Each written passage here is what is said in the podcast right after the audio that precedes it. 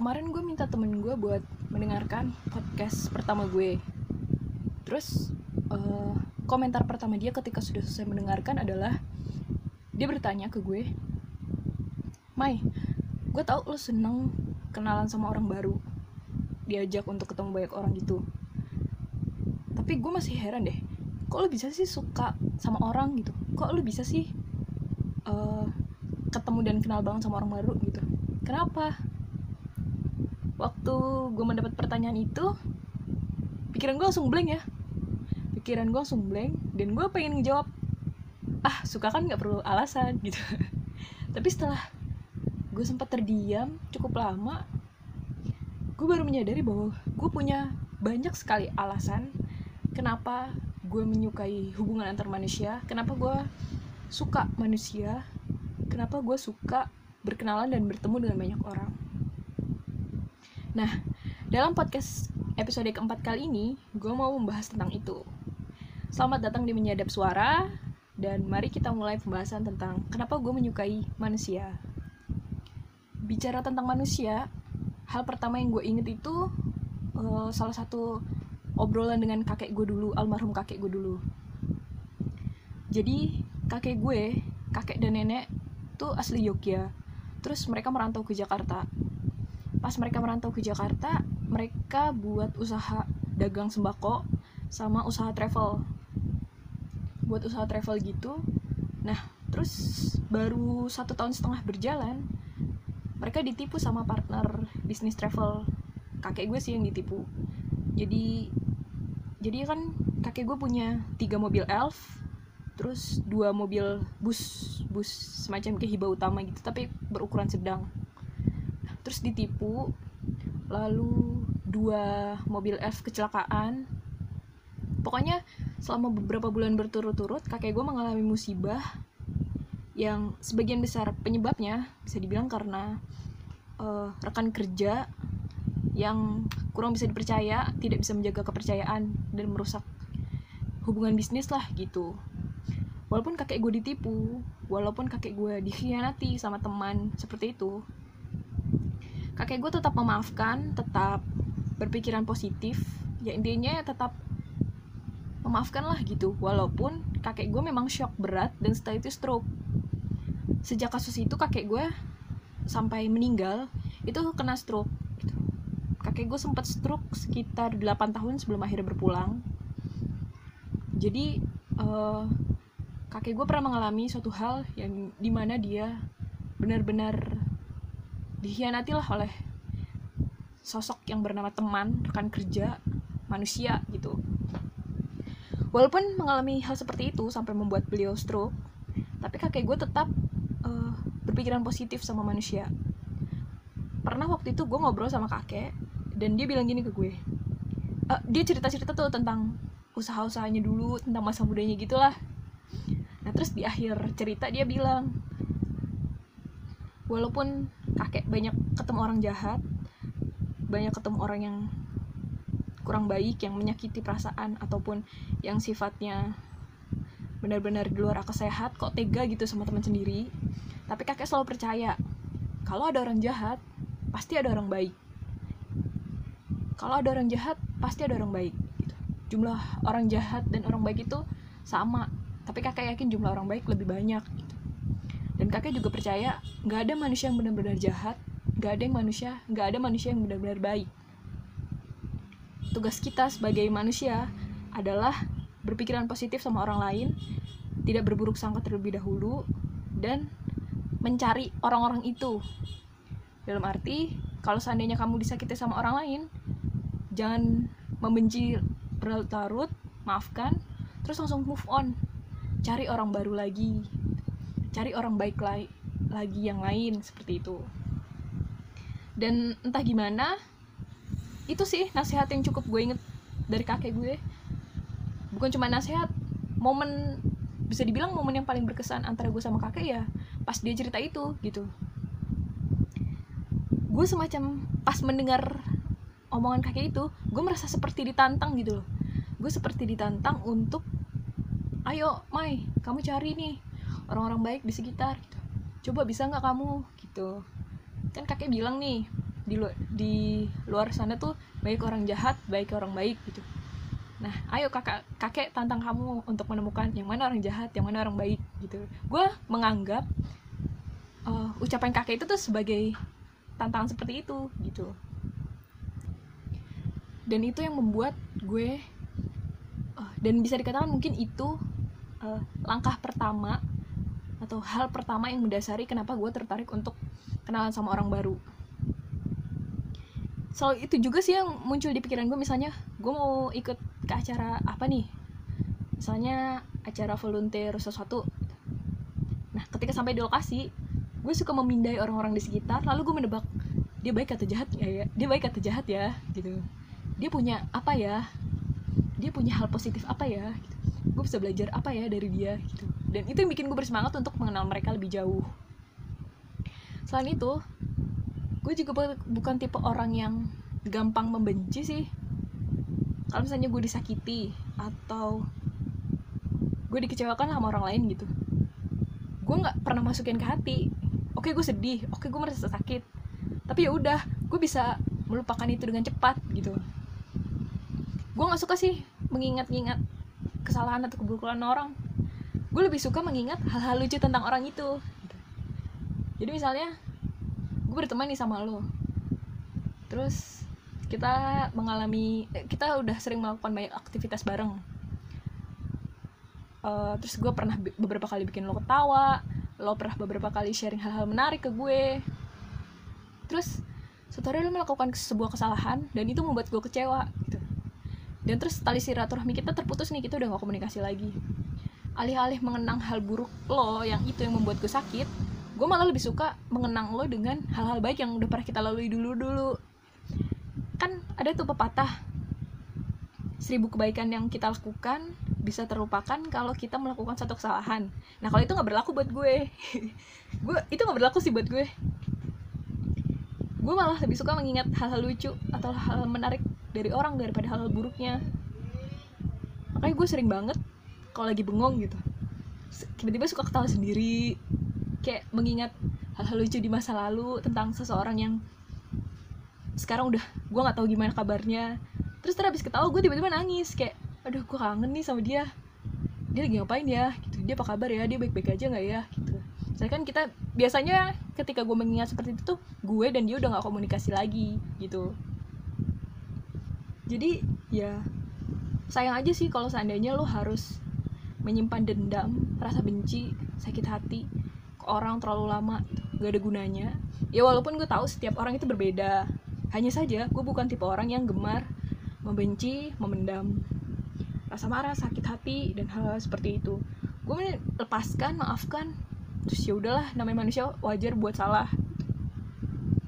Tapi nggak tahu juga ya sejauh ini sih gue dikhianati atau disakiti orangnya tuh masih dalam batas normal lah dalam artian nggak terlalu merugikan gue banget.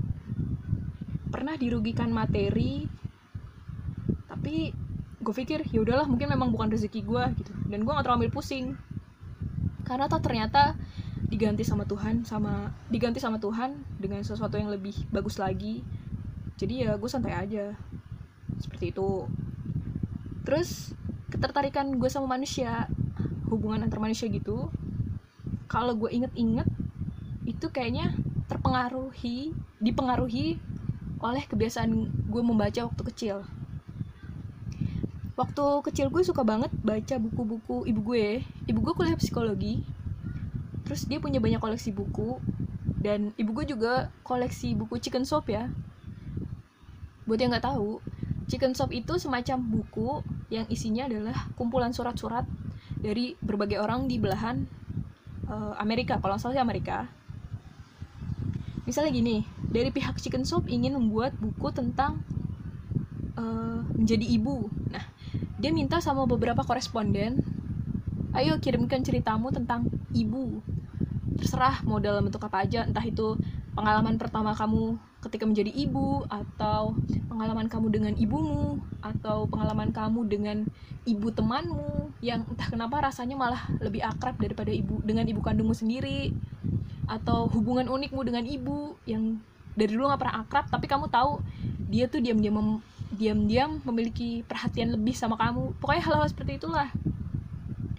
Beberapa koleksi yang ibu gue punya itu ada chicken soup for the mother soul terus chicken soup untuk pecinta kucing terus chicken soup untuk anak-anak yang diadopsi. Jadi tuh isi buku itu tentang semua anak yang hasil adopsi gitu kisah-kisah mereka tentang gimana mereka membaur dengan keluarga barunya? Gimana mereka menemukan fakta kalau ternyata mereka bukan anak kandung? Terus bagaimana mereka mencoba menghadapi semacam rasa menghadapi kenyataan kalau mereka bukan anak kandungnya gitu? Gitu-gitu deh. Pas gue baca itu tuh gue merasa ih keren ya. Apa hubungan antar manusia ini keren. Maksudnya ajaib gitu.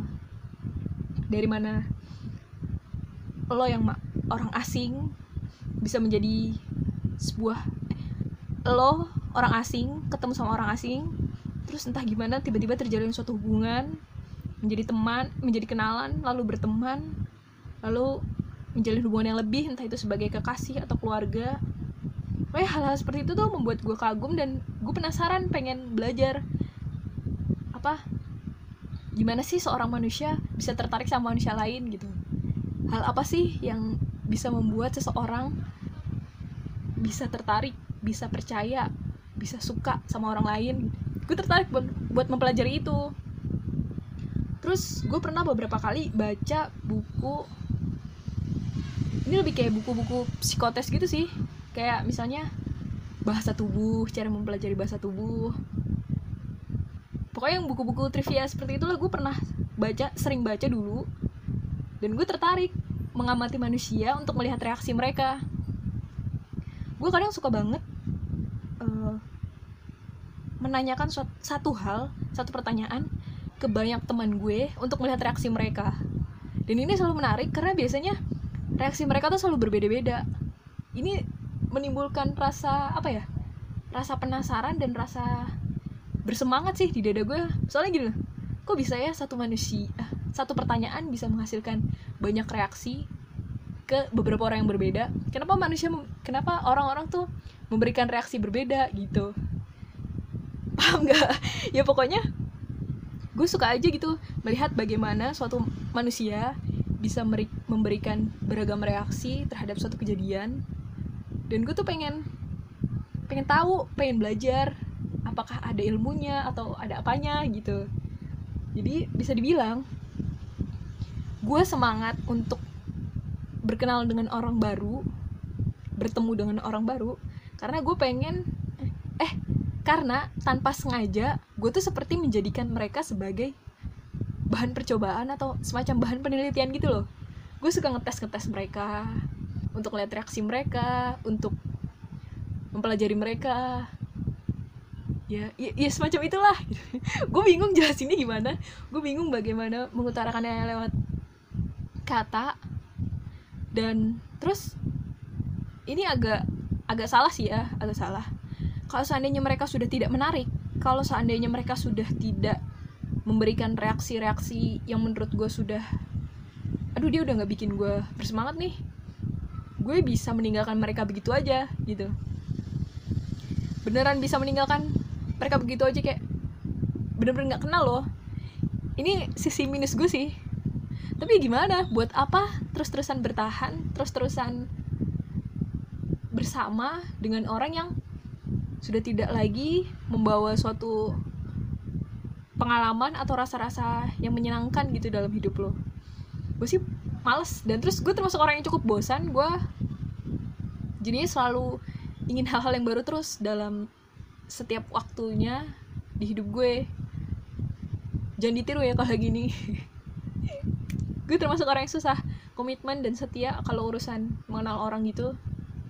Lo harus punya daya tarik tersendiri. Lo harus punya sesuatu yang bisa membuat gue bertahan. Tapi sesuatunya apa ini gue juga nggak tahu.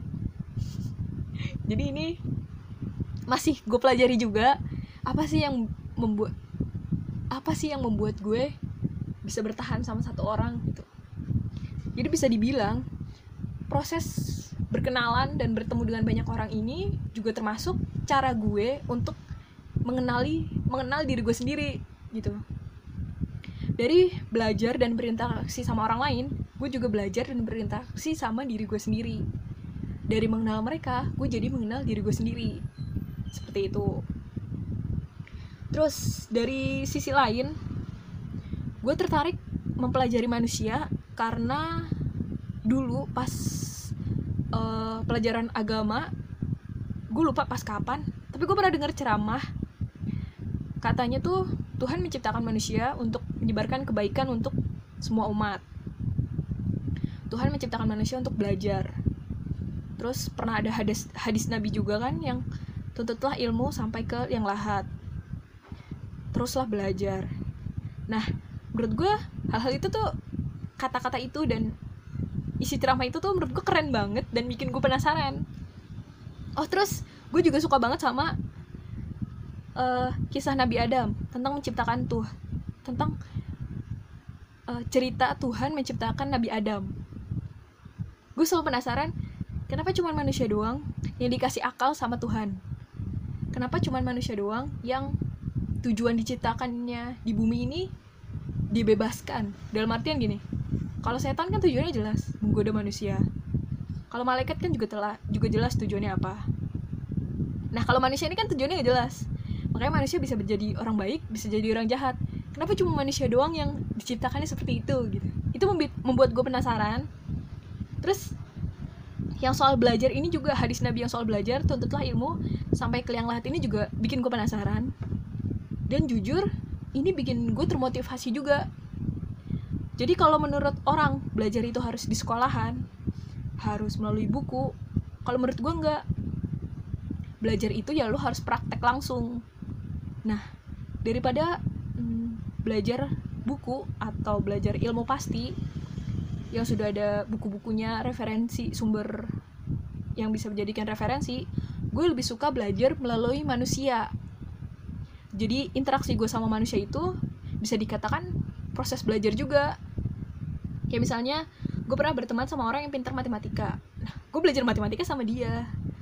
Walaupun ya sedikit banyak dibantu buku juga sih cuman rasanya lebih enak gue praktek langsung dan bisa bertemu sama orang yang memang mendalami pelajaran itu gitu. Jadi ya tanpa tanpa sengaja gue menjalankan hadis nabi yaitu tuntutlah ilmu sampai yang lahat. Dan versi gue adalah tuntutlah ilmu sampai yang lahat sama dengan sama dengan teruslah berkenalan dengan orang baru sampai kamu meninggal. Jadi terus terus terus bertemu banyak orang kenalan dengan banyak orang baru di luar sana belajar dari mereka terus tanpa bosan sampai akhirnya Tuhan berkata cukup kamu udah ketemu sama orangnya sampai segini aja sekarang saatnya kamu berpulang. Gila bahasanya bahasanya terlalu serius. Oh ya gue nggak tahu uh, ini suara kipasnya kedengeran atau enggak gue ngerekamnya ini siang-siang. Gue kebetulan pulang siang. Terus rumah sepi banget. Dan tadi beberapa kali ada suara motor dan truk lewat. Gue nggak tahu kerekam atau enggak tapi semoga aja suara gue cukup jelas dan uh, background suara-suara di belakangnya tidak mengganggu. Lanjut.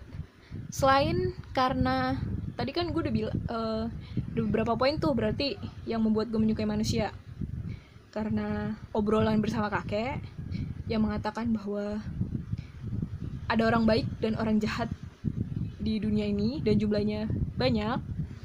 Terus dari segi psikologi karena gue dulu sering baca-baca buku psikologi milik gue. Terus dari segi agama. Terus ada lagi dari segi biologi. Waktu SMP gue tertarik banget pas belajar reproduksi gue tertarik pas belajar reproduksi. Gue waktu itu tertarik karena uh, kagum dan semacam kaget merasa unik merasa aneh. Kok bisa ya laki-laki dan wanita berkumpul lalu menghasilkan satu makhluk hidup gitu? Hebat banget. Gue dulu berpikirnya seperti itu. Nah terus selain kagum karena hal itu hal lain yang membuat gue kagum adalah bagaimana bagaimana ya caranya uh, seorang laki-laki bisa menentukan atau bisa memilih oke okay, gue mau bereproduksi sama dia gitu. Faktor apa aja sih yang mendasari dia memutuskan seorang wanita untuk menjadi pilihannya gitu? Kenapa sih laki-laki ini bisa tertarik sama wanita ini? Dia melihat apa aja yang dia lihat dari wanita itu? Terus ya pokoknya hal-hal seperti itulah. Gue tertarik banget sama itu dan sampai sekarang itu masih belum terjawab ya. Sampai sekarang itu masih menjadi tanda tanya besar. Tapi gue sambil belajar juga sambil melihat-lihat di sekeliling. Kalau gue pribadi sih gue bisa tertarik sama orang pertama dari apa ya? Dari kebiasaan lucu yang dia punya sih. Gue bukan termasuk orang yang suka melihat fisik. Kalau lo merunut orang-orang yang pernah gue sukai rata-rata tuh semuanya aneh aneh terus pokoknya semacam kayak kalau dari segi fisik seandainya dinilai dari segi fisik banyak yang bilang selera gue jelek. Ya udahlah itu kan menurut lo. Tapi kalau menurut gue mereka tuh unik. Mereka punya keunikan sendiri. Dan keunikan keunikan itu yang membuat gue tertarik gitu sama mereka. Gue inget banget dulu pas SMP gue pernah naksir cowok. Uh, dia jadi veteran gitu. Harusnya dia naik kelas 3 SMP tapi dia nggak naik. Jadi dia kelas 2 bareng sama gue. Dia berbadan sekel kayak montok gitulah cowok montok. Dia dipanggilnya Jawa. Jawa karena uh, berkulit hitam terus agak ngomong kadang-kadang kalau misalnya dia ngomong terlalu seru aksen Jawanya tuh masih kelihatan. Nah terus dia hobi kentut. Dia tuh hobi banget kentut. Gue ngerti apa yang salah dengan dirinya tapi dia tuh hobi banget kentut. Dan entah gimana gue naksir sama dia pas teman sebangku gue tahu dia langsung bilang gini gila Mai uh, lu keracunan kentutnya dia ya? Gila si Jawa kentutnya mantep juga ya punya racun. Dan itu menjadi suatu kenangan yang menarik banget di hidup gue lah gitu. Walaupun gue dicap aneh terus sampai diledekin berkali-kali sama orang tapi gue gak menyesal. Terus gue merasa ya memang kentutnya unik gitu. Dan gue tuh tertarik sama dia karena dia suka kentut itu. Maksudnya gini gara-gara dia suka diledekin kentut mulu gitu gue jadi memperhatikan dia. Terus gue jadi melihat sisi-sisi positif yang dia punya yang bisa menutupi uh, sifat minus yaitu hobi kentutnya itu gitu. Paham nggak? Ya pokoknya kalau orang melihat misalnya gini ada satu orang yang diejek sama banyak orang nih. Soalnya dia punya sifat minus nah gue jadi gue kalau ah belibet ngomongnya bentar-bentar gini. Misalnya ada satu orang dia diejek karena dia punya satu sifat minus. Nah gue malah jad, akan jadi orang yang memperhatikan orang itu terus. Emang dia punya minus apa sih gitu. Dan alih-alih ikut mengejek minusnya dia gue malah sibuk mencari hal-hal positif yang dia punya dan biasanya itu berujung gue jadi naksir dia gitu. Karena gue jadi suka memperhatikan terus jadi pengen mengenal dia lebih dekat dan hal, hal seperti itulah gitu. Jadi bisa dibilang hal negatif yang lo lihat tapi gue melihat dia adalah orang yang penuh dengan rasa positif yang membuat gue kagum. Kira-kira seperti itu yang membuat gue salah satu hal yang membuat gue tertarik untuk berinteraksi dengan manusia.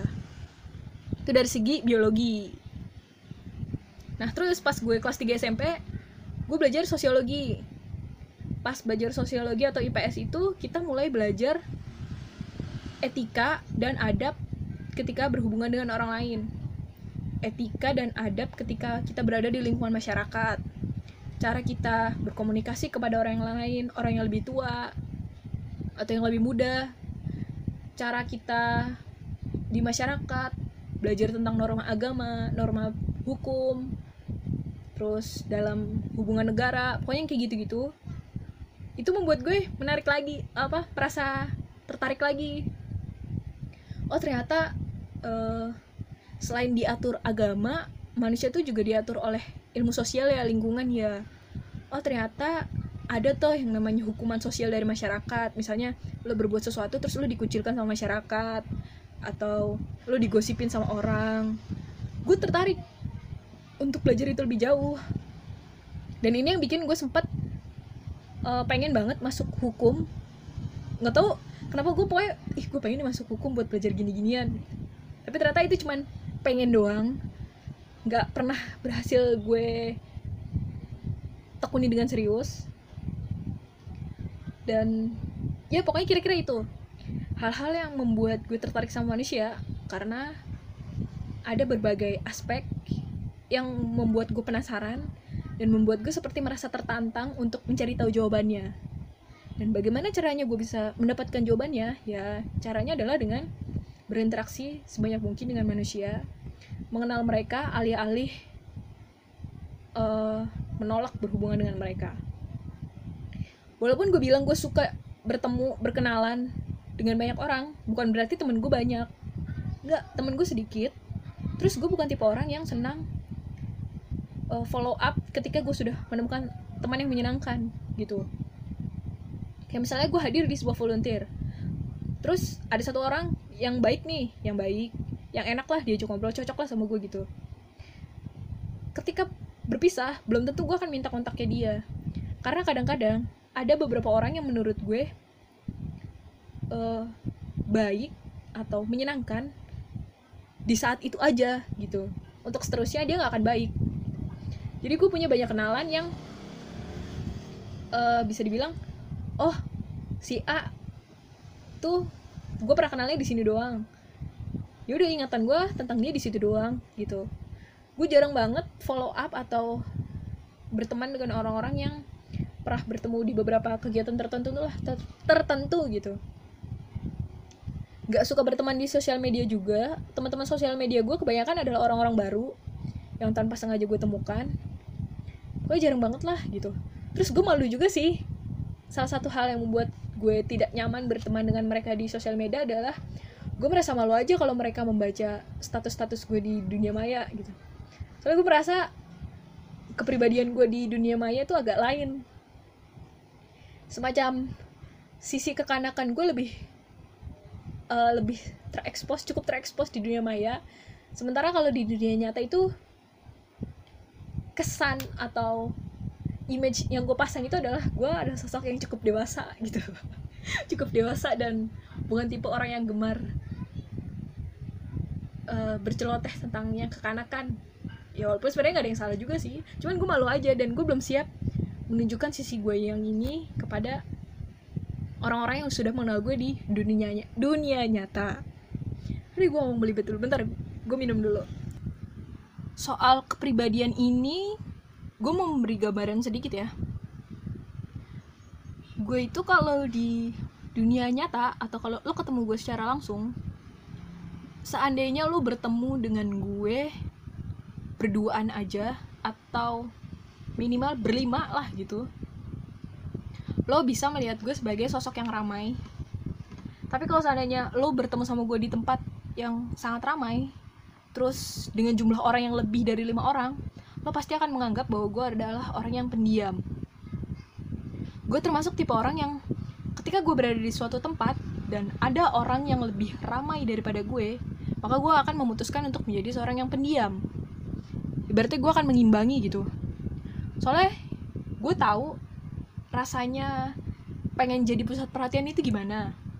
Dan gue tahu rasanya gimana rasanya diacuhkan sama orang lain dan gak ada yang ngasih perhatian itu gimana. Jadi gue mau ketika ada yang ramai gue mau orang-orang perhatiannya sama dia aja gitu. Gue gak mau perhatian orang harus terbagi antara gue dan dia gitu. Gue gak seneng kayak gitu. Gue mau ketika lo mau perhatian sama gue ya udah lo fokusnya ke gue aja nggak usah fokus ke orang lain juga gitu. Dan gue menginginkan itu juga terjadi sama orang lain. Makanya gue cukup menghargai kalau ada orang yang lebih ramai daripada gue ya udah nih gue kasih deh perhatian orang-orang biar perhatian ke lo gitu. Tapi kalau seandainya gue merasa gue butuh bicara gue butuh merasa ramai gue selalu memastikan kalau perhatian orang-orang akan 100% teralihkan ke gue gitu. Gue nggak seneng kalau seandainya gue berada di tempat ramai terus orang malah acuh sendiri gitu. Gue bakal kayak sewot atau kesal sendiri lah gitu. Makanya gue lebih seneng kalau pergi dengan banyak orang minimal tuh lima orang lima orang termasuk gue jadi cuman berempat aja berlima sama gue gitu. Karena gue merasa empat orang itu bisa gue kontrol lah. Kayak sesuai jumlah jari kan lima. Berarti gue jempolnya. Gue jempol terus orang-orangnya ada empat gitu. Empat ini kan bisa gue genggam dan bisa gue jaga semuanya dengan baik. Jadi gue bisa merasa gue bisa mengontrol mereka. Dan sejauh ini memang cukup berhasil gitu. Kalau pergi sama empat orang gue selalu memposisikan sebagai kepala atau ibaratnya gue sebagai seksi ribetnya lah gitu. Gue sebagai seksi ribet gue yang mengatur mereka gue yang ibaratnya gue kayak ibunya lah gitu. Gue memper memastikan mereka semua mendapatkan perhatian yang sama dari gue. Gue memastikan kebutuhan mereka terpenuhi. Misalnya mereka mau nanya apa apa? Gue bisa menjawab dengan baik. Pokoknya gue ingin gue bisa diandalkan menjadi orang yang sangat diandalkan untuk mereka. Dan membuat mereka senang atau puas.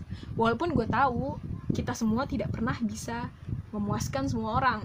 Tapi rasanya senang aja gitu. Rasanya semacam ada tantangan semacam ada sesuatu yang harus gue lakukan supaya gue bisa ah gue tahu semua orang nggak bisa gak semua orang bisa lu bikin puas tapi gue yakin gue bisa bikin lu puas gitu. Oke kalau misalnya gue ketemu atau ngajak main dua tiga empat orang gitu gue pasti semacam kayak memasang tantangan tanpa sadar memasang tantangan seperti itu di kepala gue sendiri gitu. Dan sejauh ini sih cukup berhasil terus ya. Walaupun ya seinget gue gue pernah pergi sama empat orang itu tiga kali doang. Baru tiga kali aja gue udah merasa berhasil. Ya pokoknya seperti itu. Kalau lo ketemu pernah ketemu sama gue di suatu acara yang jumlah pengunjungnya banyak kesan lo sama gue pasti lo akan beranggapan kalau gue orangnya pendiam. Tapi kalau lo pernah ketemu sama gue cuman bertiga atau berdua aja lo pasti uh, memiliki kesan kalau gue orangnya cukup cerewet cukup ramai. Dan lo pasti akan kaget kalau seandainya lo pergi lagi sama gue di sebuah kegiatan yang jumlahnya banyak lo pasti akan kaget lah Mai kok lo jadi pendiam? Gitu. Gue harap lo memaklumi karena gue tidak suka jika uh, membagi perhatian gue lebih gue akan menghargai orang lain yang lebih ramai untuk silahkan lo show off ibaratnya gitu. Nih gue kasih lo waktu nih gitu. Gue kasih lo kesempatan gitu. Tapi sorry kalau gue udah memutuskan inilah saatnya gue buat show off. Sorry gue gak akan mau membagi perhatian orang-orang. Ibaratnya seperti itu. Gue tuh ini agak aneh dan terlalu percaya diri banget tapi ya memang rasa percaya diri gue cukup tinggi sih untuk hal ini. Kalau untuk fisik gitu ya gue masih nggak pede sama fisik gue sendiri. Tapi kalau dalam ketemu orang baru atau berhadapan dengan banyak orang gue selalu cukup percaya diri gitu. Ibaratnya gue yakin gue bisa mengimbangi obrolan mereka. Gue yakin gue bisa menjadi pendengar yang baik responden yang baik dan uh, sifat atau tata krama gue bisalah setidaknya tidak membuat mereka malu atau memberikan kesan yang oh dia anak yang menyenangkan gitu. Gue bisa. Tapi kalau misalnya dalam berhadapan fisik gitu misalnya apa ya ketemu sama sama sama cewek terus ngebahas fisik kayak eh gue gendutan gue jerawatan gini gini kayak gitu gue nggak cukup percaya diri. Kayak itu mungkin yang bikin gue kalau misalnya kumpul-kumpul sama orang gue jarang banget foto-foto bareng soalnya gue gak percaya diri untuk tampil di depan kamera gitu. Gue gak pede. Gue lebih seneng gue lebih percaya diri ketika harus bertemu langsung daripada harus diabadikan lewat kamera gitu. Gue gak tau ini masih berhubungan atau enggak tapi pokoknya gitu. Kira-kira seperti itu. Aduh nyambungnya merembet ke mana-mana. Terus ada lagi satu hal yang membuat gue tertarik sama manusia. Ini hal terakhir sih hal terakhir yang membuat gue tertarik berhubungan sama manusia adalah sejak dulu gue suka dengan prinsip waktu waktu adalah hal yang paling mahal di dunia di dunia dia tidak bisa dibagi tambah kurang diputar. Jadi sekali kamu menghabiskan waktu dengan seseorang, maka itu tidak bisa akan tidak akan bisa ditarik ulang lagi. Kamu tidak bisa untuk menghapusnya. Jadi, setiap ada orang yang mau mengenal gue, sudi meluangkan waktunya dengan gue, maka gue akan menghargai habis-habisan dan gue akan membuat waktu yang udah dia investasikan ke gue itu gue akan menggunakan waktu itu untuk mengisi dengan kenangan-kenangan yang baik gitu. Jadi seandainya suatu hari kita tidak berkomunikasi lagi atau putus hubungan setidaknya gue memiliki kenangan yang baik di ingatan dia gitu ini ada sedikit trivia. Dua hal yang paling gue takuti adalah gue pertama takut setan. Kedua gue takut dilupakan. Gak tau kenapa gue takut aja gitu dilupain sama orang. Makanya kalau misalnya ada orang yang mau ketemuan sama gue atau ada orang yang mau menghabiskan waktunya sama gue entah itu buat jalan-jalan atau nemenin dia ke mana gitu gue akan mempergunakan waktu itu sebaik mungkin mencoba membuat kenangan atau kegiatan yang menyenangkan biar kalau seandainya kita berpisah dan gak komunikasi lagi dia punya suatu ingatan yang baik buat gue. Jadi kemungkinan kecil gue dilupakannya sedikit gitu. Atau gini gue seneng ngajak orang ke suatu tempat khusus secara berkala. Secara berkala kadang sengaja gue lakukan gitu secara berkala biar dia tanpa sadar ketika melihat tempat itu dia inget gue gitu. Gue sering banget dapat tempat uh, dapat dapat pesan kayak dari teman-teman lama gitu. Misalnya gini Mai masa tadi gue ngeliat kambing terus gue inget elu gitu. Uh, memang itunya buruk ya. Kambing terus inget gue gitu. Tapi rasanya senang aja gitu loh. Lo diingat seseorang uh, lo punya memori khusus di kepala seseorang itu rasanya menyenangkan. Dan itu menimbulkan suatu perasaan puas dan candu di hati gue. Semacam oke okay, untuk ke depannya gue akan membuat hal lain lagi sehingga lo akan terus mengingat gue gitu itu sih salah satu hal yang apa ya yang menjadi bahan bakar atau semacam hal-hal yang membuat gue semangat untuk terus bertahan hidup gitu. Gue pernah mengalami masa-masa terpuruk masa-masa kehilangan dan masa-masa pencarian jati diri gitu. Terus gue pernah nggak semangat hidup? Nah salah satu hal yang membuat gue semangat hidup itu ketika gue mengingat kembali masa-masa menyenangkan sama beberapa orang dulu-dulu dan kemudian ketika mengingat itu timbul rasa rasa kangen gitu di dada. Semacam kayak uh nggak gue nggak mau mati. Gue masih mau berusia panjang. Gue mau merasakan hal-hal seneng kayak dulu lagi gitu. Terus ya udah gue bisa perlahan bangkit. Dan memang gue mempergunakan waktu yang gue punya kesempatan yang udah dikasih sama Tuhan dengan bertemu sebanyak orang membuat sebanyak mungkin kenangan dan hal-hal yang menyenangkan. Sehingga ada sesuatu yang bisa gue tertawakan ada sesuatu yang bisa gue pelajari ada sesuatu hal yang bisa bikin gue semangat untuk bangun setiap paginya. Dan hal itu adalah sesuatu yang bernama manusia. Gue namakan manusia karena memang uh, yang bikin gue semangat itu bukan cuma satu orang tapi banyak manusia di luar sana gitu. Setiap gue merasa terpuruk setiap gue merasa nggak semangat hidup lah gitu. Kadang gue suka buka Google Maps terus ngelihat peta dunia asal ngeklik gitu. Terus gue langsung mikir duh dunia masih luas. Jenis orang yang gue temuin masih kurang banyak ayo lah Mai bertahan sedikit lagi. Ayo jalan lebih jauh lagi. Ayo kuatin kakinya. Ayo kita ketemu banyak orang lain ketemu banyak orang lagi.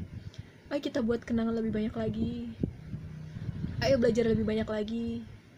Terus entah gimana mau uh, dialog-dialog sendiri seperti itu tuh bisa memotivasi gue untuk sedikit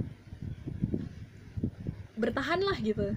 Sedikit membuat gue merasa oke okay, gue masih kuat kok uh, untuk hidup selanjutnya gitu.